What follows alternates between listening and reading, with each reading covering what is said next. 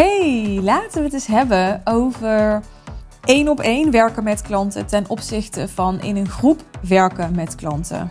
Volgens mij heb ik het hier nog heel weinig over gehad in mijn podcast. Terwijl, ja, het is best een belangrijke keuze als coach of consultant hoe je je aanbod inricht en, en tot wanneer je dat één op één doet. Of misschien wil je dat altijd één op één blijven doen en wat zijn dan de consequenties en waar moet je bij stilstaan als je in een groep werkt en ja, wat zijn de voor- en nadelen van een groep? En er is zoveel over te vertellen, veel meer dan één podcastaflevering uh, toelaat, denk ik.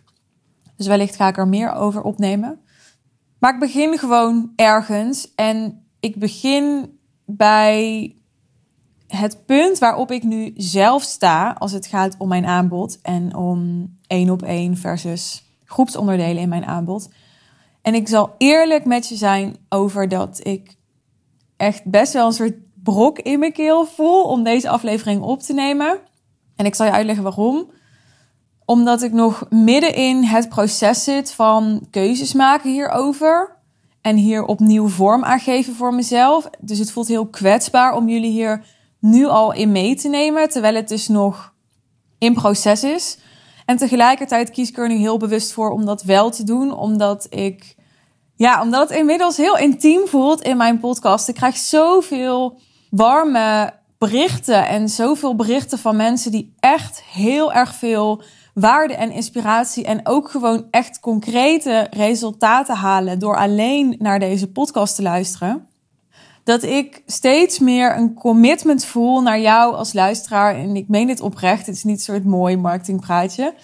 Om ja, open te zijn en dieper te gaan en uh, ja, mij kwetsbaar op te stellen. Want net zoals jij ga ik ook door fases en heb ik ook overtuigingen die ik soms los moet laten of beter om kan buigen. En heb ik ook ja, mijn mindfucks. En daar ga ik je in meenemen in deze aflevering klein beetje achtergrond over hoe mijn aanbod er altijd uit heeft gezien tot nu toe als het gaat om één op één begeleiding en om groepsonderdelen. Mijn business traject heeft zich natuurlijk in de afgelopen jaren ontwikkeld en ik heb veel geëxperimenteerd, veel geleerd. En één ding is wel hetzelfde gebleven in die ongeveer 3,5 jaar dat mijn business traject er nu is. En dat is dat ik één op één begeleiding vanaf het begin heb gecombineerd met groepsonderdelen. Ik heb soms het gevoel dat dit redelijk uniek is. Ik bedoel, ik ben dus niet de enige die dat doet, maar ik krijg ook super vaak de vraag van is het een groepsprogramma of is het één op één? En ik heb heel erg het gevoel in de scene dat dat ook de norm is. Dat je of één op één begeleidt of een groepsprogramma lanceert. En ik heb dat dus nooit zo gedaan. Ik doe dit al 3,5 jaar zo. Ik doe geen lancering voor mijn business traject. Ik heb geen lanceringsmodel. Het is al 3,5 jaar doorlopend. Ik heb er altijd voor gekozen om, als jij je vandaag meldt, dat ik je morgen kan gaan helpen, bij wijze van spreken. Meestal zit er wel een week onboarding tussen of zo, maar nogmaals, bij wijze van spreken ja, daar sta ik ook nog steeds achter. Heeft altijd goed voor me gewerkt. Ik zeg niet dat het altijd zo gaat blijven, maar dat is hoe het in ieder geval tot nu toe is geweest. En daarnaast heb ik één op één calls en tegenwoordig ook één op één Voxer support. Gecombineerd met Q&A calls in een groep en live dagen in een groep. En we gaan nu ook weer starten met een Facebook groep waarin mensen gebruik kunnen maken van elkaars netwerk en kunnen verbinden met elkaar tussentijds. Een community kunnen vormen. En waarom heb ik hiervoor gekozen? Drieënhalf jaar geleden al. En ben ik hier ook aan vast blijven houden. Omdat ik heel erg geloof in de waarde van allebei. Ik zie de waarde van allebei. Er zit ook een deel gebakzucht in. En er zit ook een deel beperkende overtuigingen in. Ik had beloofd dat ik heel eerlijk met je zou zijn. Dus daar zal ik ook iets over zeggen. Nou, eerst over dat ik de waarde in allebei zie. Eén op één is natuurlijk gewoon ja, persoonlijke aandacht. En ik heb waarschijnlijk net zoals jij dat als ik denk aan klanten op de beste manier helpen, dat ze veel persoonlijke aandacht krijgen. En ik weet dat dat niet per se hetzelfde is, dat dat ook niet per se nodig is. Dus hier komt die beperkende overtuiging om de hoek, dat ik ergens voel van, oh ja, weet je, op de beste manier helpen is één op één tijd. Dus ik zie zowel de waarde ervan in als dat ik ook ervaar dat het een soort mindfuck is. en ik zal daar zo nog even wat meer toelichting op geven. En over die gemakzucht, hè, want wat bedoel ik dan met dat het ook een beetje gemakzucht is?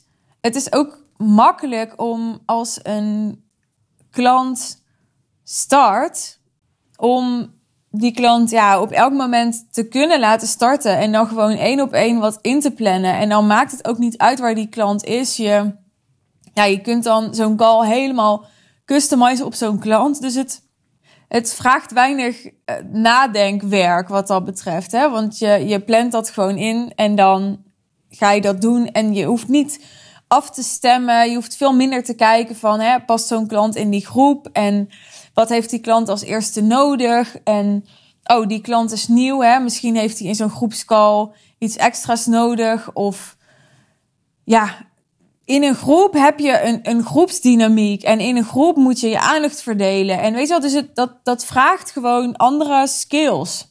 En dat vraagt gewoon andere bedrijfsvoering. En ja, daar heb ik nooit zo aan gewild. Kijk, een, een goed groepsprogramma hosten. Ik denk dat dat best wel wordt onderschat. Hè, wat gewoon heel vaak gebeurt, is dat mensen vullen een groep met klanten die ja zeggen en dan gaan ze werken met elkaar. En, maar om in een groep te waarborgen dat mensen gezien voelen, dat ze accountable gehouden worden, maar ook dat er bijvoorbeeld niet een kippenhok ontstaat uh, buiten jou om, hè, zonder dat jij daar nog controle over hebt. Of dat mensen elkaar heel erg gaan triggeren. Of er zijn zoveel meer uitdagingen in een groep. Ik heb geleerd dat alles wat in een één op één relatie tussen een coach en coachie al uitdagend kan zijn. Hè, om een, een coachie in, in beweging te brengen. En op het moment dat, dat een coachie getriggerd is. En dat dat in een groep alleen maar wordt uh, benadrukt. Alleen maar wordt uitvergroot. Dus ja, je moet dat kunnen dragen. Dat is het vooral. Je moet echt het leiderschap kunnen dragen van een groepsprogramma. En ik heb ondernemers er helemaal stuk op zien gaan. Ik heb ook vaak gehoord van ondernemers: nee, ik ga nooit meer in een groep, want dat is veel te veel gedoe. En dan, weet je wel, dan heb je weer dat één iemand achterblijft. En wat doe je daar dan mee? Of dat juist één iemand hè, eh, er heel erg uitspringt en zich dan gaat vervelen ten opzichte van de andere. Of ja, dat er de hele tijd één iemand was die ja, negativiteit uitstraalde en ook afstraalde op de andere. Al dat soort dingen maak je allemaal mee in een groepsprogramma en bij een groepsdynamiek. En dat maakt dat ik denk dat het wordt onderschat. En dat maakt ook dat ik zelf dat altijd een beetje zo half heb gedaan. ik zou heel eerlijk met je zijn, hè? Gewoon omdat ik ergens wel voelde van, oké, dat gaat gewoon weer next level skills van mij vragen. En wat ook zo is, je kunt in je business niet alles tegelijkertijd ontwikkelen. Je kunt niet en een messaging ontwikkelen waar echt doorlopend klanten op aanhaken, waar je doorlopend leads op krijgt en je verkoopvaardigheden steengoed maken en je niche vlijmscherp maken en uh, een team bouwen dat floreert en rendabel is en doet wat het moet doen. En uh, je legal stuff in orde maken. Hè? En er zijn zoveel elementen aan een bedrijf, naarmate je gaat groeien en je bedrijf uh, meer serieuze vorm aan gaat nemen. Je kan ook niet alles tegelijk doen, alles tegelijk heel goed in worden. Dus dit is zo'n ding waarvan ik altijd ergens in mijn achterhoofd heb gevoeld. Oké, zo'n groepsdynamiek en ja, meer opschalen. En dat is iets waar ik wel een keer aan ga, maar dat schuif ik maar een beetje zo voor me uit. Want ik wil het ook graag simpel houden. Eén op één is ook gewoon het meest simpel. En nou ja, dus ik had er allemaal zo argumenten voor om dat zo te doen. En misschien denk je nu, ja, maar Suus, je hebt toch die groepsonderdelen wel. Hè? Dus je hebt toch als een groepsdynamiek. Ja, dat klopt. Maar als ik heel eerlijk ben, dan is het nu zo dat mijn programma voor een groot deel één op één is. Dus klanten halen de meeste support en maken het meest gebruik van de één op één calls en de één op één Voxy support. En ja, de Q&A-calls die zijn meer ondersteunend daaraan. En de twee keer tweedaagse die we doen in een jaar zijn super, super waardevol. Maar dat zijn ook echt ja, momentopnamen. Hè? Dus dat is niet een doorlopende support. Dus voor mij voelt het wel als dat het ja, voor 60 à 70 procent, ongeveer twee derde van het traject neerkomt op de één op één begeleiding en 30 tot 40 procent op de groepsaspecten. En nou is het zo, je voelt het misschien al aankomen, dat mijn business afgelopen half jaar hard gegroeid is.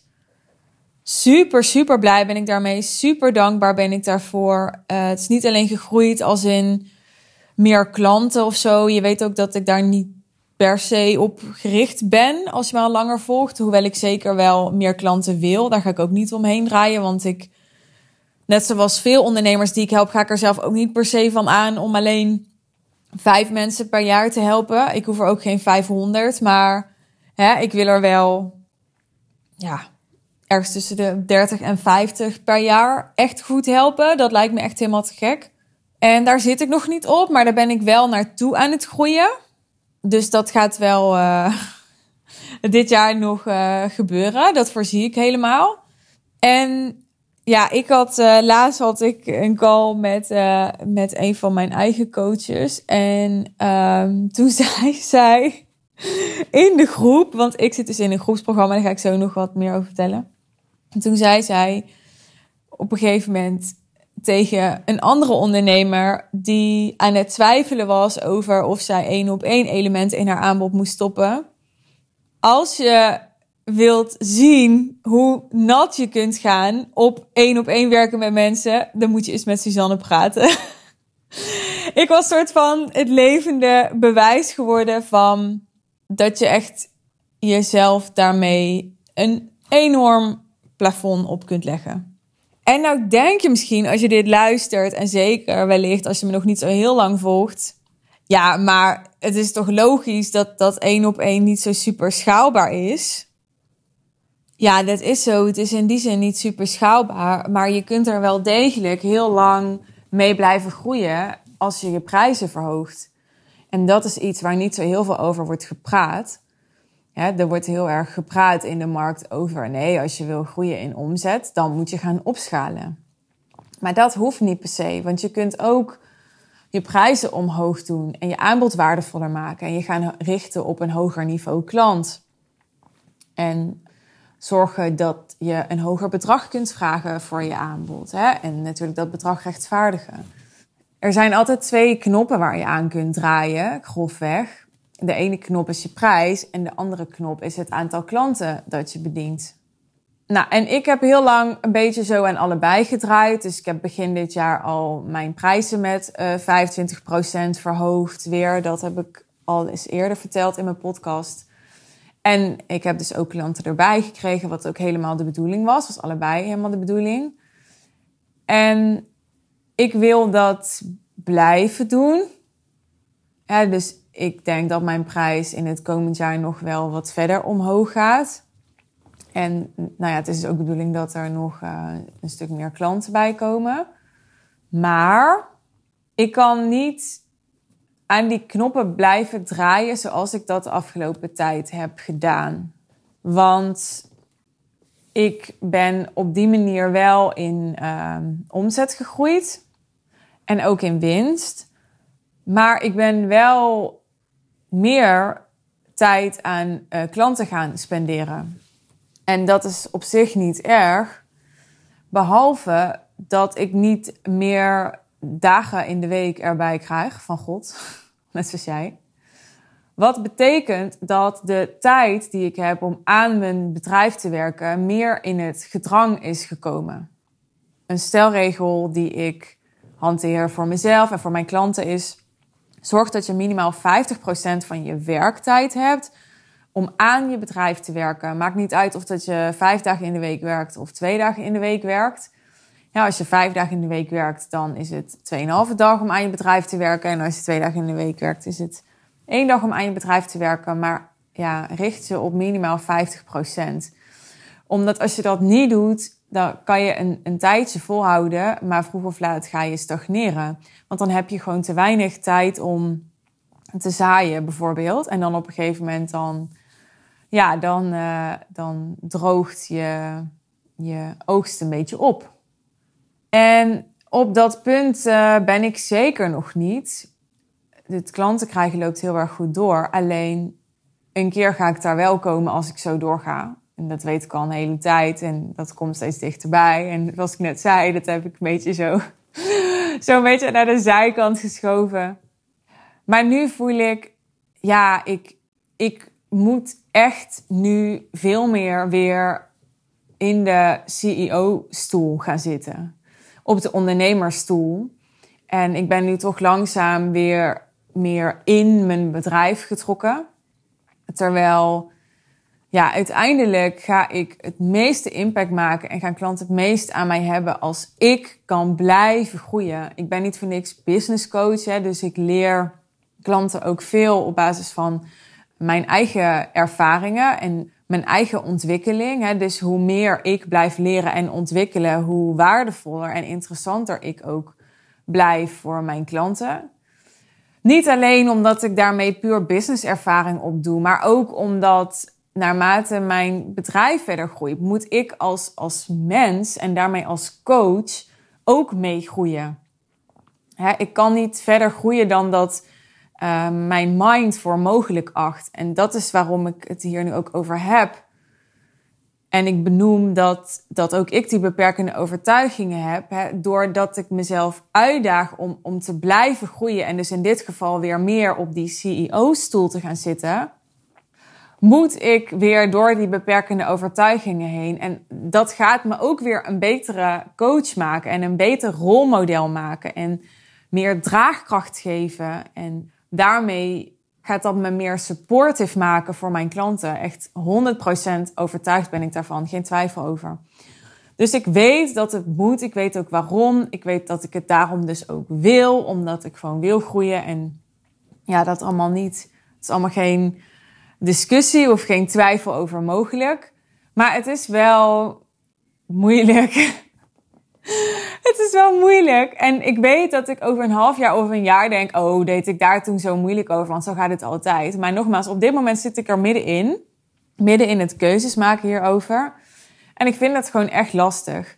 En ik zal nog even verduidelijken waar ik dan op dit moment keuzes over aan het maken ben.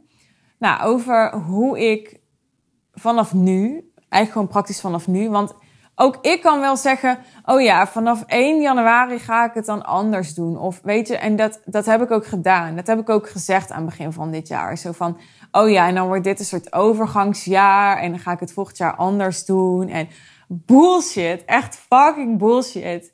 Als je voelt dat je een keuze moet maken, dan moet je gewoon zeggen: en morgen ga ik het anders doen. En niet volgend jaar en niet volgende maand. En ja, voor alles is een nuance. Hè? Dus tenzij er een hele goede reden, een goed argument is om dat wel te doen. Maar meestal is het gewoon voor je uitgeschuift meuk.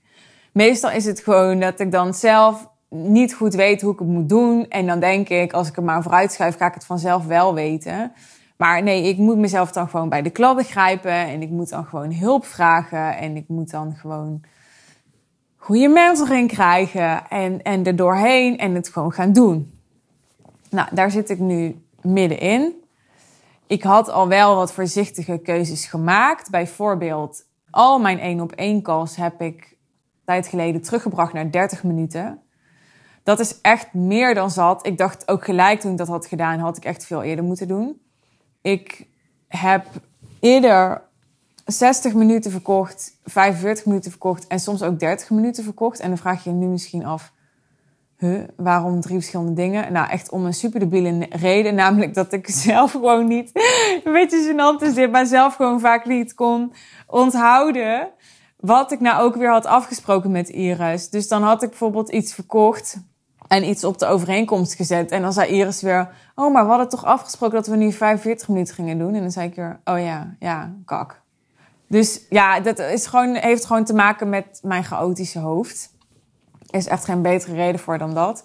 Maar nu hè, dat kan ik dan wel onthouden, lekker overzichtelijk. Nu heb ik geen onderscheid meer gemaakt in kick-off calls en coaching calls en in weet ik veel wat voor calls. Alles wat één op één is nu, is gewoon 30 minuten.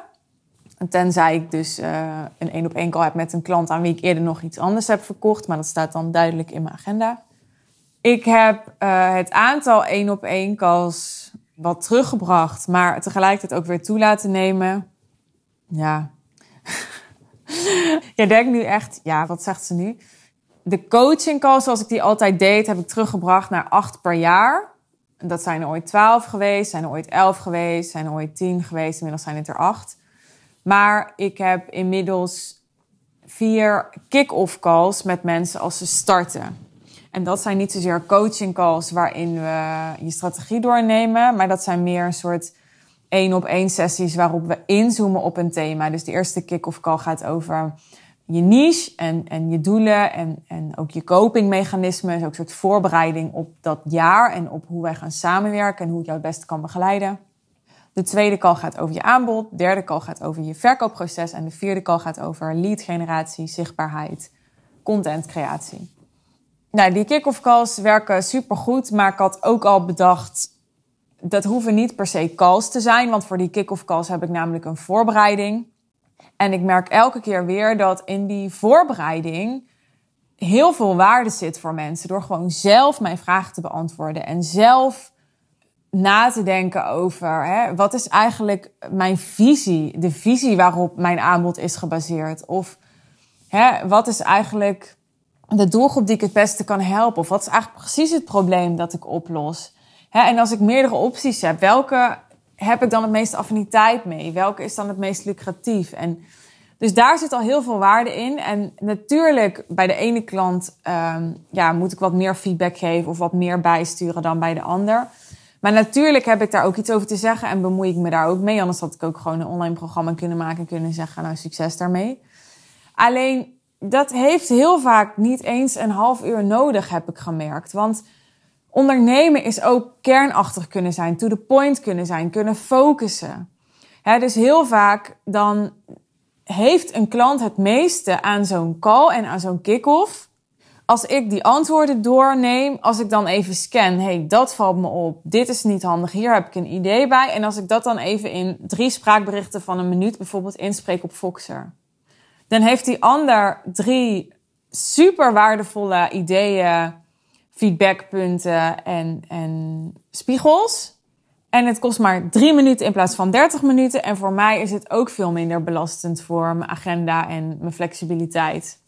Dus daar ben ik al mee bezig geweest om daarmee te spelen. En we zijn er dus nu ook mee bezig om die, die kick-offs. Um, ja, om, om die wat meer te automatiseren en dan alleen het nabespreken via Voxer te doen. En daar niet echt meer calls voor in te plannen. En ik weet zeker dat we dan echt minstens uh, hetzelfde bereiken als uh, hoe we het nu doen.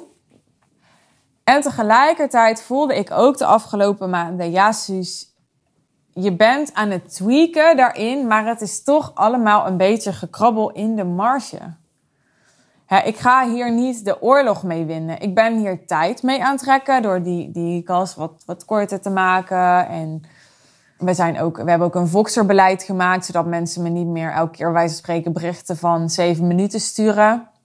Want heel vaak kan het ook gewoon in één minuut. En al die dingen schelen allemaal tijd. Dus daar zijn we ook mee bezig. En nogmaals, dat is niet alleen. ik ga niet zeggen dat het helemaal niet is, want dat speelt ook mee. Maar het is niet alleen om maar het aanbod efficiënter te maken en minder belastend voor mij. En ja, dat is ook nodig inderdaad om het bedrijf te laten groeien. Maar het is ook echt in het belang van mijn klant, van jou als ondernemer. Echt. Dat zeg ik met de hand op mijn hart. En ik zou het ook niet tegen je zeggen als ik het niet zelf ook als klant en als coachie zo ervaren had bij anderen. dus ik doe alleen maar dingen met mijn klanten die, ja, waar ik achter kan staan en waar ik zelf ook doorheen ben gegaan. En, en ja, die ik daarom ook voor mezelf kan verantwoorden. En dat geldt hiervoor zeker, want ik heb altijd coaches gehad die echt uh, heel strak waren ook met hun tijd. en heel strak waren ook in, in de mate waarin ze beschikbaar waren voor klanten. Dat heb ik juist altijd heel aantrekkelijk gevonden aan hen. En dat betekende dat alles heel erg was afgebakend. Dus je kon bij wijze van spreken één vraag per week stellen. Of je kreeg uh, tien minuten de tijd tijdens een call. Of uh, je mocht inderdaad een voicebericht sturen van uh, maximaal één minuut. En wat dat doet, is het maakt dat ik gedwongen word als coachie om na te denken over wat is nou echt mijn vraag? Wat is allemaal ruis en wat is de kern hiervan? Want wat we heel vaak gaan zitten doen bij, ja, bij onze coaches en mentoren is een heleboel uh, verbal processing, noem ik dat.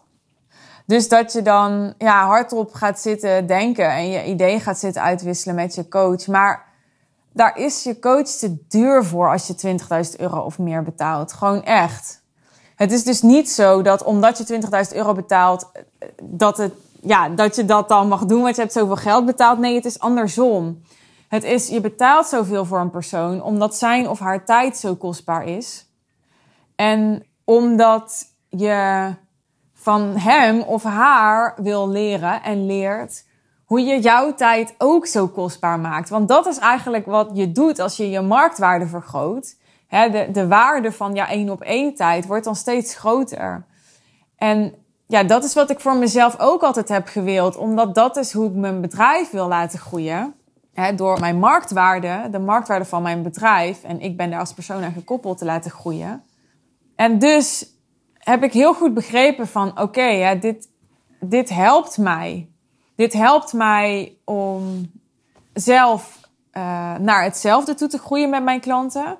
En dit helpt mij ook omdat ik, voordat ik een vraag ga stellen, toch iets van zelfcoaching moet doen. Of een soort braindump moet doen. En daar de essentie uit moet halen, de kern uit moet halen. En die oefeningen, die skills, die zijn zo essentieel om te ontwikkelen als ondernemer die zijn zo belangrijk dat je ook jezelf door dingen heen kunt coachen en, en tot de kern kunt komen. En, en dan uiteindelijk naar de juiste persoon gaat en zegt: Dit is wat ik nodig heb, of hier zit mijn behoefte, of hierop loop ik vast. En dat je heel concreet kunt zijn en heel helder kunt zijn. Een van de belangrijkste vaardigheden om te ontwikkelen. En dat heb ik heel erg ontwikkeld doordat mijn coaches zo, zo afbakenden wanneer en hoe en waarvoor ik bij hen terecht kon. Ja, ik was even afgedwaald naar mijn eigen ervaring als uh, coachie, maar even terug naar de keuzes die ik nu te maken heb. Ik voelde dus al een tijdje, ik moet gewoon van die één op één af voor echt, ja, 80% ten opzichte van tijd die nu naar één op één gaat.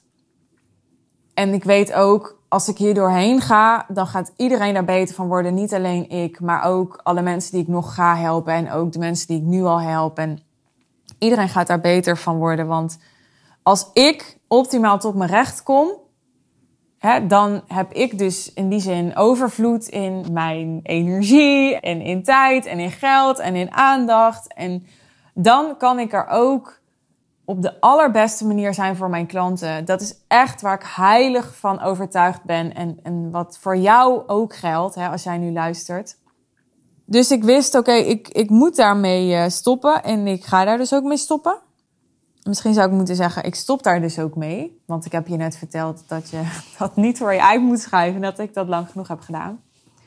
En dan vraag je je misschien af, joh, Suus, maar als je dat zo helder hebt dat je dat gaat doen, en waarom dan die weerstand? En nou, heel eerlijk, omdat ik zo godschuwelijk vaak hoor van mensen. Van de week nog. Ik had van de week nog een, een, een sales call. Eén op één call wilde ik zeggen. Ja, het was dus een één op één sales call.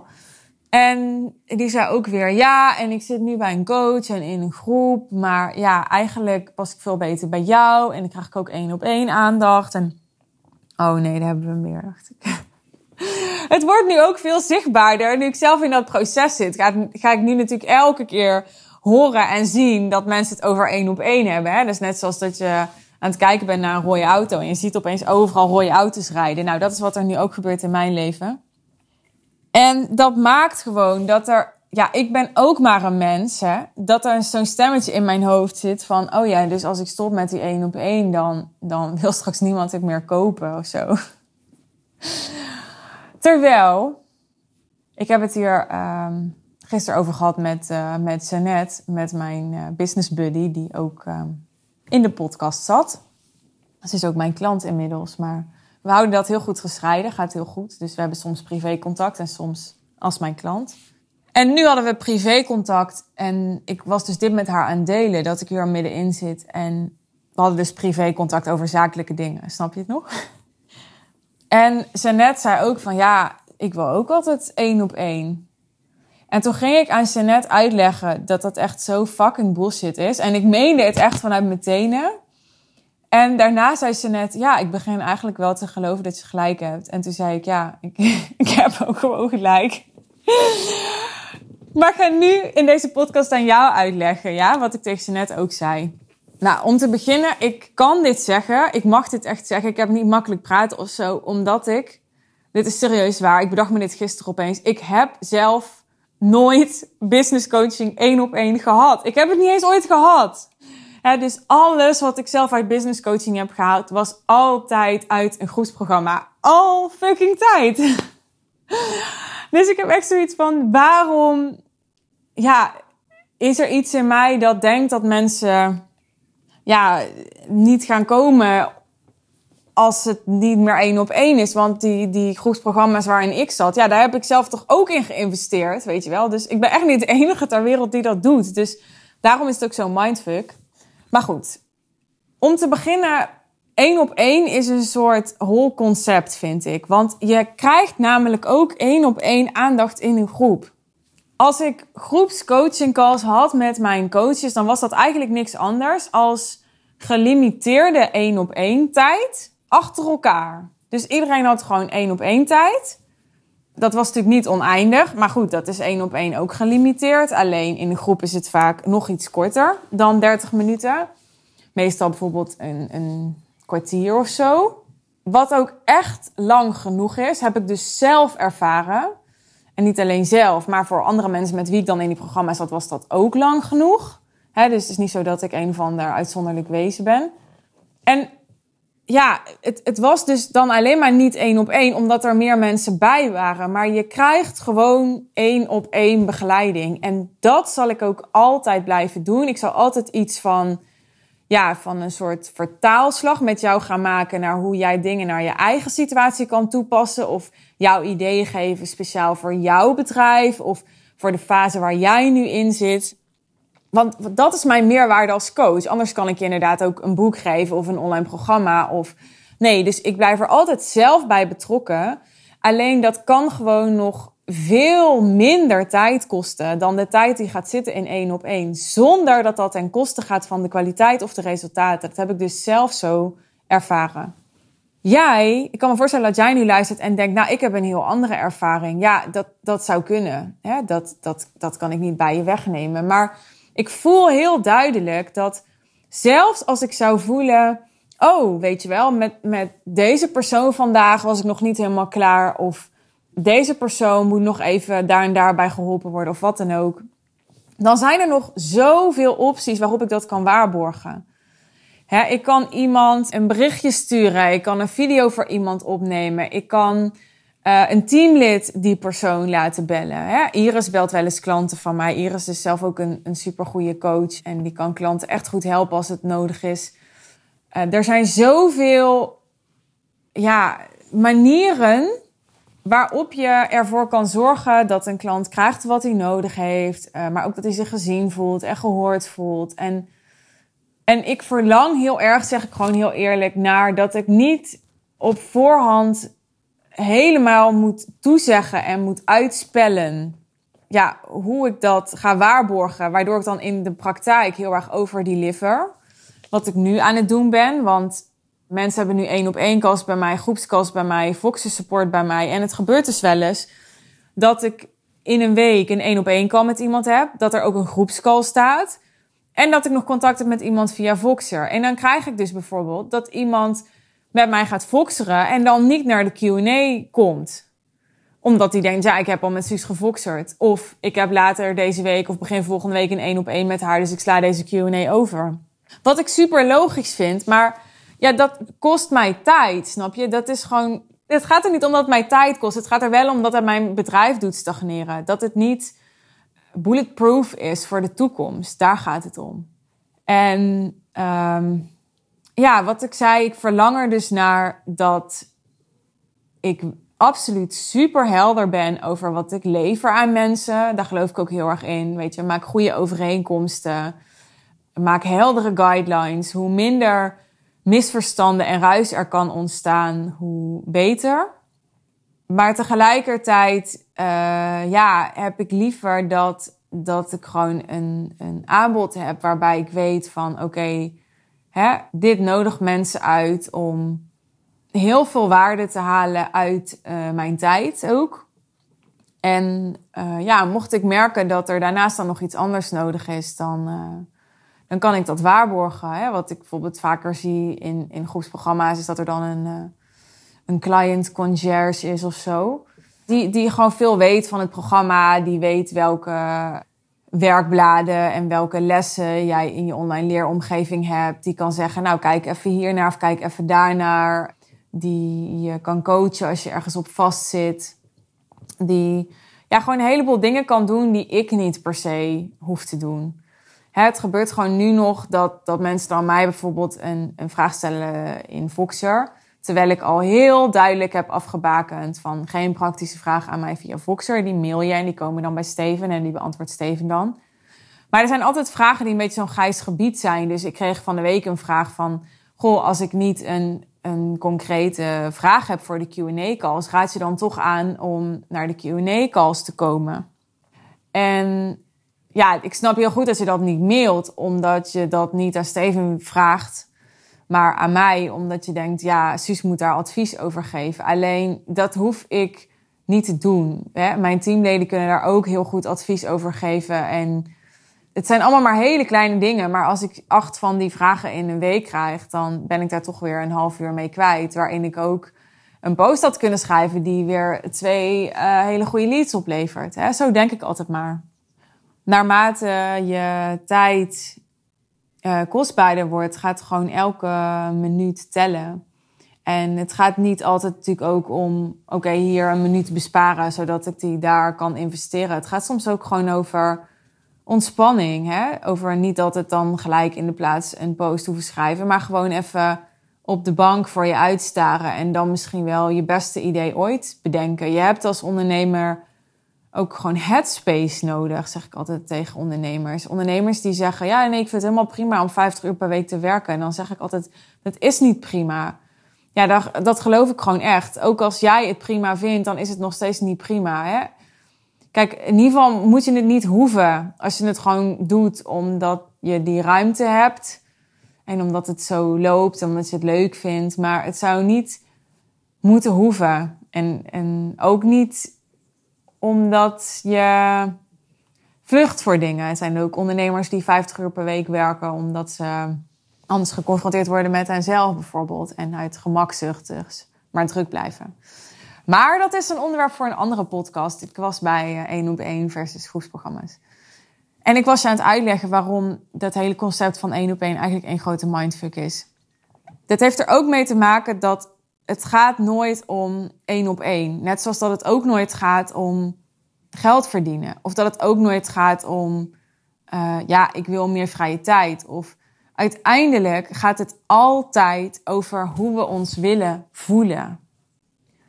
je kunt je super gestrest voelen terwijl je drie uur in de week werkt. En je kunt je ook fucking vervuld voelen terwijl je 45 uur per week werkt.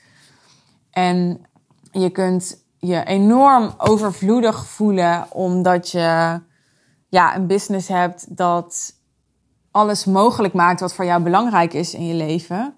En je kunt tegelijkertijd uh, enorm in schaarste denken als je misschien drie keer zoveel zou verdienen, maar je niet met dat geld iets doet of iets kunt doen wat, wat jou echt aan het hart gaat, wat voor jou echt purpose heeft.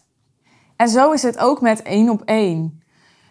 We willen een bepaald gevoel krijgen door die één op één tijd. En dat is het gevoel van, van speciaal zijn, van exclusiviteit soms. Maar dat kan ook het gevoel zijn van gewoon gezien en gehoord willen worden. Het heeft ook vaak te maken met angst die mensen hebben. Uh, angsten gebaseerd op, op negatieve ervaringen of gewoon angsten die nog helemaal nooit zijn gebeurd, maar waar ze wel bang voor zijn. Bijvoorbeeld de ervaring dat ze ja, bij mensen in een groep zaten waar ze zich niet veilig bij voelden. Of waar ze zich niet aan op konden trekken. Of ja, waarbij ze geen fijne dynamiek ervaarden. En dat ze daar dan geen goede coaching bij hebben gehad. Want ik denk heel vaak, ja, juist ook als, als je bijvoorbeeld getriggerd wordt in een groep door de groepsdynamiek, waar ik het aan het begin van deze podcast al over had, dan zitten daar juist zoveel mooie lessen in voor je. En dan zegt dat zoveel over ja, hoe jij nog geraakt kunt worden door dingen. Een groep is een soort mini-maatschappij, heb ik geleerd. En het zegt heel veel over hoe jij ja, in de maatschappij en dus ook in jouw branche en met jouw klanten, hè, want dat zijn ook allemaal groepen, omgaat en je opstelt.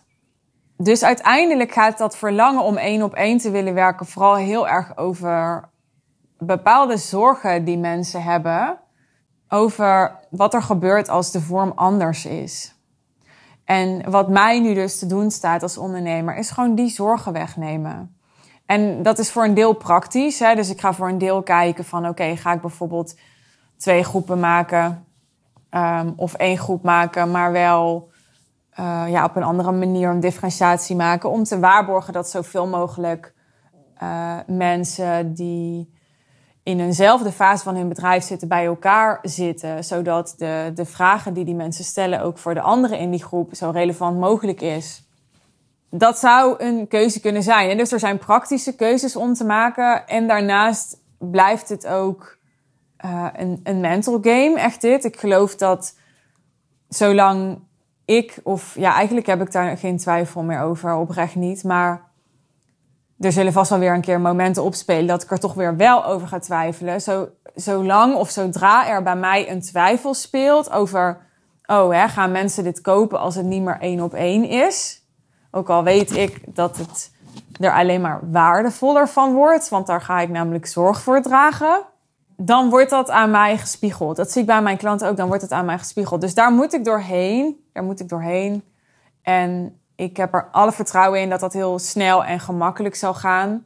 Omdat ik vaker door dit soort dingen heen ben gegaan. Dus dan gaat het steeds sneller. Je raakt er steeds meer aan gewend. Je weet steeds beter hoe je dat moet doen. En daarnaast zal het ook altijd wat coaching blijven vragen van mij tijdens een call bij mensen. Dus het zou als bezwaar op kunnen poppen in een sales call dat iemand toch, zegt van ja, ik wil heel graag één op één. en dan zal ik aan mensen vragen, goh, maar wat is dan datgene aan één op één waar je zo naar verlangt, waar je zo behoefte aan hebt? Of wat is dan je zorg bij dat het een groepsprogramma is? En nou ja, dan mensen daarop coachen. Dus hen laten zien dat, ja, dat, dat zij iets willen wat in een groepsproces echt meer dan gewaarborgd kan worden voor ze. En het zal ook iets vragen van mijn marketing. En dat is ook waarom ik deze podcastaflevering opneem. Dat is gewoon ook strategisch zodat ik nu een moment heb gehad waarin ik dit allemaal aan je uit kan leggen. Zodat ik weet dat iedereen die naar deze aflevering heeft geluisterd het niet meer in zijn fucking hoofd gaat halen. Om in een sales call met mij te zeggen: Oh, maar ik wilde eigenlijk heel graag één op één. En ja, misschien ga ik wel iets van één op één blijven doen, maar dan ga je gewoon twee keer zoveel betalen. Omdat er, uh, there's no other way als ik uh, mezelf niet in de weg wil zitten. En daar ben ik gewoon echt niet van plan om te gaan doen. Geen discussie over mogelijk. Dus ja, alles is te koop. Zo zit dan ook wel weer.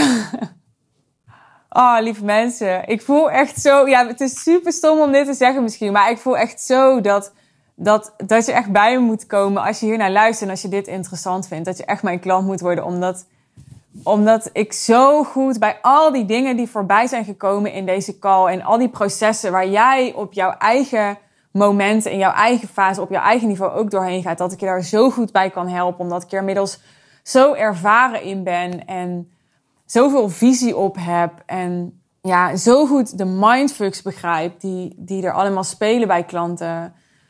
Ja, ik voel gewoon echt dat ik, dat ik gewoon super, super sterk ben in jou helpen als jij nu luistert. Want ik geloof gewoon niet dat jij nu luisterde als ik niet de juiste persoon was voor jou om je te helpen. Ik merk gewoon dat de mensen die naar mijn podcast luisteren en die daarna een sales call bij mij boeken, dat zijn gewoon super goede klanten voor mij. Dus doe daar iets mee als je nu luistert. En dit, ja, dit komt echt uit mijn hart.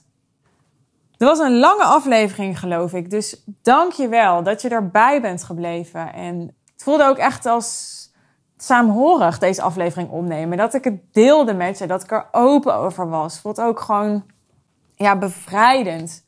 Dus dank je wel dat je dat uh, met mij hebt willen creëren. De safe space voor mij om, uh, om dit te delen.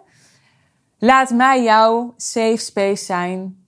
Wil je dat? Boek je call via de link in de omschrijving. En um, heel graag weer tot de volgende aflevering. Dag.